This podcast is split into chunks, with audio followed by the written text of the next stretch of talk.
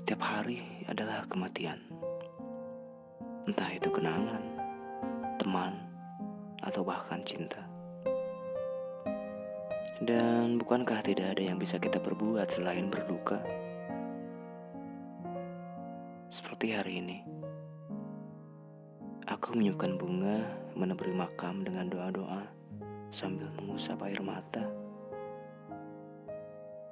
Ternyata harapan-harapan yang telah kita pupuk harus kembali ke tanah untuk menemukan rumah yang paling tenang.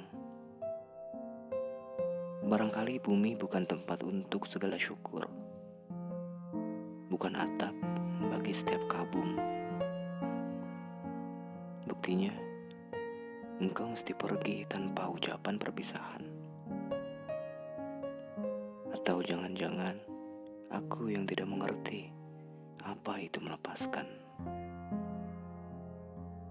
Setiap hari adalah kematian.